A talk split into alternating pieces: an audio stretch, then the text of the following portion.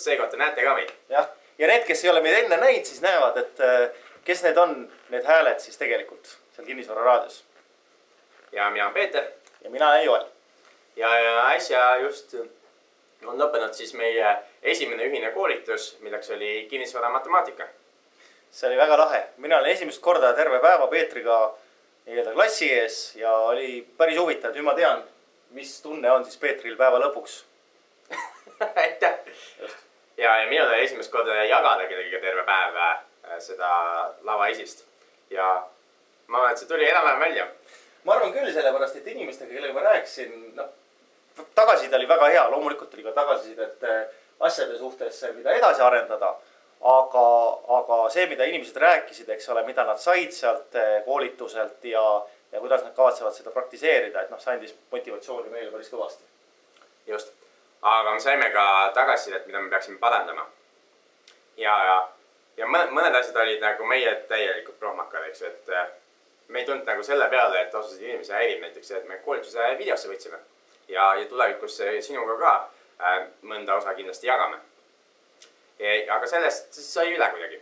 siis, mis meile veel tagasiside anti, et, et praktilisi näiteid oleks võinud olla rohkem. me kasutasime näitena ühte minu tehingut ja, ja, ja selleks, et erinevad arvud ei läheks segamini, me mõtlesime kohe alguses, et, et piirdume nagu selle ühe tehingu numbritega. jah aga inimesed tegelikult ütlesid, et oleks võinud rohkem olla, eks ju. jah, ja see tehing tegelikult, ega seal tehingus midagi iseenesest ei olnud, aga, aga inimesed ootasid rohkem seda, et okei okay,, et kui mul need numbrid on nüüd välja arvestatud, eks ole, mis ma siis nende numbritega peale hakkan, mis on head numbrid, mis on halvad numbrid, kui number liigub kuhugile suunas, et mida, mis järeldusi ma pean tegema. Ja. aga miks me ei saanud öelda neile nii, et, et sellest piirist selle piirini on hea ja siis läheb halvaks? no ilmselt sellepärast, et see on maitse asi, eks ole kellelgi on äh, kaheksa protsenti on normaalne, kellelgi on kaksteist protsenti normaalne, et see on lõppude lõpuks on igaühe enda otsustada. aga äh, see, mida me kindlasti tulevikus teeme, et kas siin nende videote näitel või uue koolitusena on see, et seletame siis lahti, eks ole, trend, kui mingisugune arv liigub kuhu suunas, et mida see siis praktiliselt tähendab. Natuke me rääkisime sellest koolitusega. ja alati sõltub kõik millega võrreldes et äh, kõik kellegi, ehk siis siit tuleb mm, niisugune uus mõiste võib-olla äh,. mis asi on alternatiivinvesteering, et kuhu see alternatiivina taha panna. kui alternatiivinvesteering on tähtede hoius, siis kõik, mis on üle ühe protsendi aastas, see on ju hea. kui alternatiiv on ettevõtlus, kus on võib-olla lihtne viiskümmend või sada protsenti teenida, noh, siis kinnisvara oma kaheksa protsendise tootlusega, noh, täielik jama, eks ju. Aga see võib-olla on mingid teised eelised, miks see, miks see sulle meeldib aga me saime tagasisidet ka täna juba, siin tulid mõned telefonikõned ja, mõnede inimestega kohtusime, mis oli nagu väga lahe, et. et üks lahedamaid tagasisidet oli see, et et äh, nüüd pühapäevased päevad tegi arvutusi, vaatas Tallinna tehinguid ja ütles, et tead, siin need numbrid ikka ei ole head. ja see oli üks meie point ka, miks me seda koolitust just nüüd tahtsime teha. et, et sa saaks, said need valemid, said äh, täpselt aru, mis nende valemite taga on saadki välja arvutada, mis siis tegelikult toimub. ja, ja, ja tõesti, Tallinna numbrid ei ole head aga ta, kui ta mulle helistas, siis ma juba kuulsin, ta oli autos ja ta ütles, et ta on teel ühte Eesti väikelinna ja et seal on numbrid palju paremad ja täna juba ta läheb päris mitut korterit vaatama ja loodab sellel nädalal siis äh, midagi ära osta. lubas mulle ka teada anda, kui ostetud on. äkki saab isegi niimoodi, et kui ta saab oma tehingu tehtud ja kui ta on nõus, siis äkki me ta saame, saame tema kas, kas raadiosse või kaamera ette, siis ta saabki natukene seletada, et et mis siis muutis tema elu ja kuidas, kuidas see koolitus siis muutis praktiliselt tema elu. noh, eks näeme ja mis me, üks asi meil jäi veel koolitusel tegemata, millest me, mida me rääkisime seal ja, ja siis lõpus oli nagu peast pühitud ja, ja, ja, ja koolitus juba lõppes ära ja, ja kõik läksime oma teed. aga nendega, kes Lill Leisure restorani õhtul tulid, nendega me seal juba rääkisime sellest, aga nüüd oleks vist aeg kõigi teistega ka seda jagada. kas sa mõtled seda kristallpalli või? Just, et äh, me rääkisime, et peaks kristallpalli välja võtma ja ennustama tulevikku ja, ja me koolitusel mainisime, et meil on erinev arusaam, et äh, jo Joel arvab, et äh, kinnisvara hinnad hakkavad langema juba sügisest ja, ja, ja mina pigem arvan, et need hinnad tõusevad edasi. äkki hakkame sinust pihta, et Joel, miks sa arvad, et äh, langevad või tahad enne kuulda, miks nad tõusma peaks? no aga ma räägin enda, enda mõtted lahti, siis vaatame, et kas sa oled ikka omal arvamusel. okei okay põhimõtteliselt lühidalt öeldes ma vaatan sellist makroökonoomilist pilti et kui me nüüd vaatame, mis Euroopas toimub ja samamoodi ka Ameerikas, vähemalt need numbrid, mida mina loen meediast ja kuulen meediast, on see, et töötus tõuseb. et Eesti kõige suuremad äh, majanduspartnerid on Soome, Rootsi, äh, noh, Venemaa ka ja, ja, ja Euroopa üleüldse. ja kui me vaatame, et mis toimub Soomes või äh, Euroopas üldse, siis töötus kasvab. ja seda statistikat näed, kui sa Google'isse paned näiteks unemployment in Finland või Sweden või või ükskõik mis riigis, siis sa saad suhteliselt kergelt äh, kätte statistika ja sealt sa näed, et töötus tõuseb. ja kui me mõtleme, et kui nüüd töötus tõuseb, siis see tähendab seda, et äh, inimestel tööd ei ole, eks ole, see on loogiline. ja kui inimestel tööd ei ole, siis tõenäoliselt nende sissetulekud vähenevad. ja kui nende sissetulekud vähenevad, siis nad kulutavad vähem raha sellise asja peale, mis ei ole otseselt nende eluga seotud.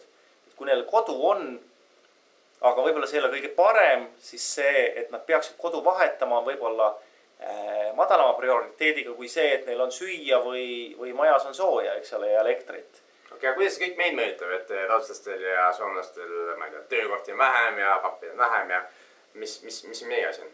no vot, see mõjutab selles, et kui neil on tööd on vähem, eks ole, siis äh, äh see, et nad ostavad meie käest praegu ükskõik, on see siis äh, mingisuguseid teenuseid või on see süüa või riideid või metalli või metsa, mis iganes, eks ole, meie käest. ja kui neil on nüüd töötus on väiksem, siis need inimesed, kes on töötud, kui nad päris nagu laisad ei ole, siis nad hakkavad otsima uusi töökohti ja isegi kui need töökohad on madalama palgaga, siis nad võtavad need vastu. mis tähendab seda, et nende palgatase langeb ja see tõmbab meie konkurentsieelist madalamaks. see tõmbab siis tööd, mida tehakse praegu siin Eestis Eh, tõmbab tagasi siis nende kodumaale. ja kui see töö läheb nende kodumaale tagasi, siis see mõjutab meid, see mõjutab meie töötust ja samamoodi siis, kui meie töötus hakkab tõusma, siis on meie inimestel siin vähem raha. ja kui meie inimestel on vähem raha, siis samamoodi see mõjutab meie kinnisvaraturgu, ehk siis lühidalt öeldes töötus mõjutab kinnisvaraturgu ja hindasid. Jah, sellega ma olen sinuga nõus sul oli tegelikult üks näide ka, sa ütlesid, et IT-valdkonnas, eks ju, programmeerijate palgad kuidagi väga lähenevad siin mõlemal pool lahte. jah, et eh, ma olen ise olen IT, IT-valdkonnas sees ja ma tean, palju inimesed palka saavad või palju nad palka tahavad saada. ja näiteks Soome, mille kohta ma tean väga hästi, siis seal keskmine programmeerija saab selline kolm pool tuhat kuni neli pool tuhat eurot bruto. eks ole, maksud maha, siis kätte saab võib-olla, ütleme kolm tuhat eurot saab kätte Eestis on täiesti normaalne, et programmeerija saab äh, kaks tuhat kuni kolm tuhat eurot palka. Eestis on maksud väiksemad, siis noh, kätte saab natukene vähem kui Soomes, aga see vahe ei ole väga suur. ja kui nüüd Soomes on IT programmeerijaid või IT äh, valdkonnas on hästi palju praegu töötuid, kui me vaatame, palju Nokia või NSN on lahti lasknud inimesi ja kui nemad lasevad lahti, eks ole, Nokial ja NSN-il läheb nõrgemini, noh, tegelikult äh, NSN-il nüüd läheb natukene paremini aga Nokia insenere praegu on Soomes on tuhandeid töötab ja nemad otsivad tööd, mis tähendab, et IT palga, keskmine palk eh, Soomes langeb, aga Eestis seda veel tunda ei ole. ja see, need käärid Soome ja Eesti vahel jäävad järjest väiksemaks ja väiksemaks, seega ei ole eh, soomlastel ei ole põhjust tulla Eestisse enam IT eh, allhanget otsima, sellepärast et nad ei saa hinnaeelist siit Eestist enam okei okay., aga miks sa arvad, et see kõik juba sügisel meid mõjutab? sellepärast, et äh, see tavaliselt on niimoodi, kui inimene jääb töötuks, siis ta vähemalt Soomes, eks ole, ja Rootsis on nii hea see sotsiaal, see töötukassa süsteem, et nad saavad päris head raha, aga mingisuguse ajaga, eks ole, see hakkab langema, see raha. Nad alguses saavad mingi esimene pool aastat vist saavad äh, seitsekümmend protsenti palgast, ma täpselt seda ei tea, aga siis ajaga see väheneb. mingisugune hetk see summa on nii väike, et need inimesed otsustavad lõpetada oma ekstra pika puhkuse ära ja otsivad uue töökoha. ja siis, kui see juhtub, siis see hakkab mõjutama ka meid. ja sa arvad, et see aeg jõuab kätte sügisel? ma arvan, et see jõuab kätte sügisel. okei okay., ja siis, siis see mõjutab? siis see mõjutab. aga see, ta, ta ei ole kindlasti kiire mõjutaja, eks ju, see hakkab vaikselt mõjutama. ta, ta, ta mõjutab vaikselt ja, ja see, et kas see nüüd tuleb sügisel või talvel või järgmine kevad, ega ma, ma seda ei oska öelda hmm.. aga ma näen, et mingisugune hetk see tuleb ja ma näen ka seda, et kui vaatame praegu, mis majanduses toimub, siis äh, järjest rohkem ja rohkem tuleb selline asi nagu protektsionism tuleb mm., sellepärast et äh, majanduses on, kõik on lubatud, eks ole, ja kui see läheb halvasti, siis sa pead ennast kuidagi kaitsma, et noh, mida me näeme igapäevastes uudistes on, eks ole, valuutasõda, mida äh, Jaapani rahandusminister ütles, et eks ole, neil on kõva deflatsioon olnud juba aastakümneid, et ei, et nui neljaks Jaapanis peab saama inflatsiooni, et nende target või see eesmärk on, et inflatsioon kahe, kahe protsendini. ja praegu see on, fakte ei tea, aga vist ühe protsendi äh, kandis. okei okay,, kuidas see meid mõjutab? Jaapan on ju veel kaugemal meist kui Soome ja Rootsi. no see tähendab seda, eks ole, et kui Jaapan äh, tahab oma inflatsiooni tõsta, siis see tähendab seda, et nad peavad trükkima raha juurde. kui raha trükitakse juurde, Jaapani jeene on maailmas rohkem, see tähendab seda, et Jaapani tooted maailmas muutuvad odavamaks. see tähendab, et Jaapani eksport läheb paremaks ja meie import läheb keerulisemaks, sellest meie tooted lähevad kõrgemaks. noh, Eesti ei ole Jaapanile teab mis suur äripartner, aga mõned muud riigid on. Ameerika on, Hiina on. ja kui nüüd Jaapan langetab oma valuuta väärtust, siis teised riigid peavad tegema täpselt sedasama, et olla siis Jaapanile nii-öelda atraktiivne või tähendab, et jaapanlased ostaksid nende kaupu. ja kui siis. aga see ei aita just kinnisvarahindade tõusule kaasa. no see ei aita hindade tõusule. miks see..., kuidas ei aita, et kui raha juurde tuleb, siis ju peaks hinnad üles minema numbrites. no teoorias küll, aga nüüd ongi see, et äh, kui me vaatame seda, et kui inimesed on, eks ole, töötud, siis pangad neile raha ei laena ja seda, seda ma olen jah kuulnud, et töötule nagu ei taheta laenu. kuigi tegelikult buumi ajal vist anti isegi töötule laenu no või sai siis vist neid äh, palgatõendeid kusagilt tellida, et, et, et vastavalt soovile said endale palga ja said näidata, et tulevikus läheb veel paremaks ja, ja, ja siis äkki see aitas saada seda palka äh,, laenu. et, et äh, see on näiteks üks asi, et kogu see inflatsiooni asi on näiteks see, mis mingisugusel hetkel tõstab jälle hindasid, aga minu nägemus, et enne langevad hinnad ja siis hakkavad hinnad tõusma ja ja just see pangalaenude asi on see, mis tekitab hinnatõusu ja, ja mina ise näen seda, et äh, pangad järjest rohkem ja rohkem otsivad jälle kliente, kellele laenu anda, aga nad on ettevaatlikumad, kui nad olid äh, buumi ajal. et noh, midagi on õpitud, aga kui kaua see on meeles, seda ma ei tea. ja mis on minu põhiargument või, või, või loogika oli, miks hinnad võiksid jätkata tõusu, on just see, et me Eesti suurpangad, eks ju, mis on siis Rootsi pangad, on, on välja käinud selle lubaduse või soovi, et nad tahavad Baltikumis rohkem laene välja anda. ja kui pangad tahavad rohkem laene välja anda siis tegelikult sellega nad aitavad hinnatõusule kaasa.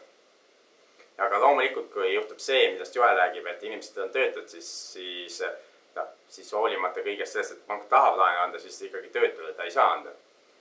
nii et, aga samas on ju terve hulk noori peale tulemas, eriti Eestis. et meil on terve see üheksakümnendate suur põlvkond, kes on täna, täna on näiteks minugi juures üürnikud, eks ju. ja, ja, ja selle aasta alguses on ka mul üürnikud lahkunud just sellepärast, et nad ostavad neid kortereid, eks ju Nad tegelikult ajavad hinnad üles, sest nad on, äh, ostavad seda emotsiooniga, nad on nõus rohkem maksma, kui, kui meie investoritena oleme nõus nende asjade eest maksma. oota, nad ostavad endale korteri, eks ole, see tähendab Just. seda, et sinu korter on siis ilma üürnikuta. no üürnik läheb ära jah, mina pean uue otsima. okei okay. ja kui me nüüd mõtleme seda, et siis on, sinul on korter ilma üürnikuta ja võib-olla kellelgi teisel ka, kellel üürnik kolis oma korterisse. see tähendab seda, et üürihinnad teevad mida? langevad tegelikult. okei okay kui üürihinnad langevad, siis mis juhtub tootlikkusega? tootlikkus väheneb jälle. ja kui tootlikkus väheneb, siis juhtub ka hindadega. no kui investorid oleksid valdavad turul, siis peaks hinnad langema mm.. aga tegelikult täna tegelikult on koduostjad ikkagi valdavad, kuigi investoreid on oluliselt juurde tekkinud. nagu me nägime ka meie kinnisvara matemaatika koolitusel, eks ju, sada nelikümmend inimest oli ruumis, eks ju. et eh, noh, sellist huvi nagu paar aastat tagasi veel ei olnud ja, ja, ja, ja see kindlasti näitab, et on investoreid on palju rohkem turul kui, kui rohkem kui kunagi varem ja just teadlikult tegutsevaid investoreid.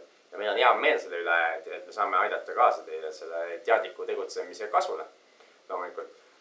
aga jah, et kui to tootlikkused langevad, ega siis investorid peavad tagasi tõmbama, kui nad ja sellepärast me selle arvutusotsuse tegime, sellepärast et kinnisvara koolitusel oli ka äh, kinnisvara materjalid ja üks nendest, kellega ma vaheajal rääkisin, ütles mulle, et ikkagi keskmine investor, ta on investorist kliente, aga aga ikka enamus investoreid tegelikult ei arvuta mitte midagi läbi, et nad ostavad selle emotsiooniga, neil on lihtsalt vaba raha, tahavad kuhugi panna seda ja, ja nad saavad selle, saavad üüri ka, siis ongi juba fun, eks ju. ja, ja ei tee ühtegi arvutust, et, et mis see tootlikkus on või mitte ei ole, eks ju.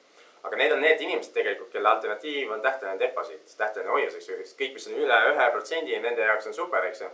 ja kui sa sada protsenti oma kapitali kasutad ehk raha sisse paned, noh no siis, siis kindlasti see toot-, tootlus, kättesaadav äh, tootlus tuleb rohkem kui üks protsent praegu mm. -hmm. nii et selles suhtes see tegelikult toetab ju ka veel seda, et hinnad võiks kasvada. kui tähtajalise hoiuse hinnad jäävad sinna ja meil on turul nii-öelda rumalad investorid, kes võrdlevad tähtajalise hoiusega tootlust, eks ju. noh, siis nad, siis see hind peab ikka päris palju veel kasvama, et, et see tootlus muutuks samaväärseks või vähemaks kui, kui tähtajaline hoius. teine punkt, mis ma näen, et mingisugune hetk ja hinnad langevad kõvasti, on see, et kui ma vaatan praegu, et eh, mis on intressid, intressitase Euribor, eks ole, keskpanga, keskpanga Euribor on vist, eh, kuue kuu Euribor on null koma seitsekümmend viis, kui ma ei eksi jah, mingi null kuus, null seitse, midagi sinna kanti on. ja, ja praegu spekuleeritakse, et Euroopa Keskpank langetab null koma kahekümne viie protsendi võrra intressi. aa, sa mõtled keskpanga intressi? ja, ja see on null koma seitsekümmend viis, just, just, just, just.. Euribor on natuke madalam. ja kui keskpank langetab seda, siis see mõjutab ka, eks ole, kõikide, kõikide inimeste intresse. allapoole. just. ja kui me vaatame, et kui palju veel. see ju toetab kasvu, see ei toeta ju langust no,. ma räägin lõpuni. ja kui see intress langeb, siis see on kõikidele hea, eks ole välja arvatud hoiustajatele. välja arvatud hoiustele. aga mingisugune hetk, millal see hetk tuleb, on see aasta pärast, kahe pärast, kümne pärast, me, me seda ei tea, hakkavad intressid jälle tõusma. no võiks eeldada, samas väga palju, on palju argumente, miks nad, miks need intressid ei saa väga palju tõusta, üks nendest on see, et, et äh, riigi, need riigid, mis veel ei ole pankrotis, läheksid ka pankrotti. loomulikult sellepärast, et nende tagasimaksekoormus ju tõuseks hüppeliseks, kui, kui intressid kasvavad, eks ole. muidugi sealt on, seal on võimalik üks areng, eks ju, mida, mida me veel ei näe, aga, aga kindlasti on võimalik see areng, et, et näiteks Euroopa Keskpank hakkab riikidele laenama madalama intressiga kui pankadele. ja, ja siis riigid saavad seda madala intressi hüvesid edasi nautida. Aga, aga meie kui investorid ja ettevõtjad enam ei saa et see, see areng on ka kindlasti, kindlasti võimalik. minu meelest see oleks päris kaval tükk nende poolt. jah, aga see tekitaks kindlasti inflatsiooni, sellepärast et kuhu paneb riik raha, tavaliselt riik äh, paneb raha, kas äh, toetades. sotsiaaltoetustes. just, palk teeb äh, töökohti juurde, eks ole, nii nagu teevad mõned linnad Eestis või Ameerika riik või mis iganes, eks ole, ja kui inimesed saavad töökohti juurde, siis nad saavad palka ja kui neil on raha, eks ole, siis see raha peab kuhugile minema, sealhulgas ka kinnisvarasse. Vot, aga selline arutelu, me võiksime seda, eks ju, jätkata siin veel mõnda, mõnda aega, et on nii argumente selleks, et miks hinnad peaksid kasvama. see, et laenuraha on järjest rohkem turul ja, ja investeerimishuvilisi inimesi on järjest rohkem turul, kes pakuvad siis hindu ülesse. ja teiselt poolt see, et on tööpuudus kasvamas kogu Euroopas ja, ja mis varem või hiljem jõuab siis ringiga siia ka, mis võiks siis vastu töötada sellele asjale. ja siin ongi erinevad arvamused ja, ja igaüks peab oma seisukoha kujundama. ja, ja täna me lihtsalt soovisimegi sinuga jagada neid argumente, et sa saaksid teha ise parema otsuse. Ja kui sul on kommentaare, siis äh, ole hea ja jaga neid, on siis seoses selle äh, ennustusega, et kas hinnad lähevad alla või ülesse või seoses koolitusega, kui seal käisid või kui sa ei käinud koolitusel ja kuulsid midagi huvitavat, et äh, mida tulevikus võiks koolitusel äh, noh, kajastada või õpetada just, siis võta meiega ühendust, et meie emaili aadress on saade, et kirisvararaadio.ee. just, endiselt sama emaili aadress saade, et kinnisvararaadio.ee ja aitäh äh, meid seekord siis vaatamast. just ja kohtumine järgmine kord. kohtumiseni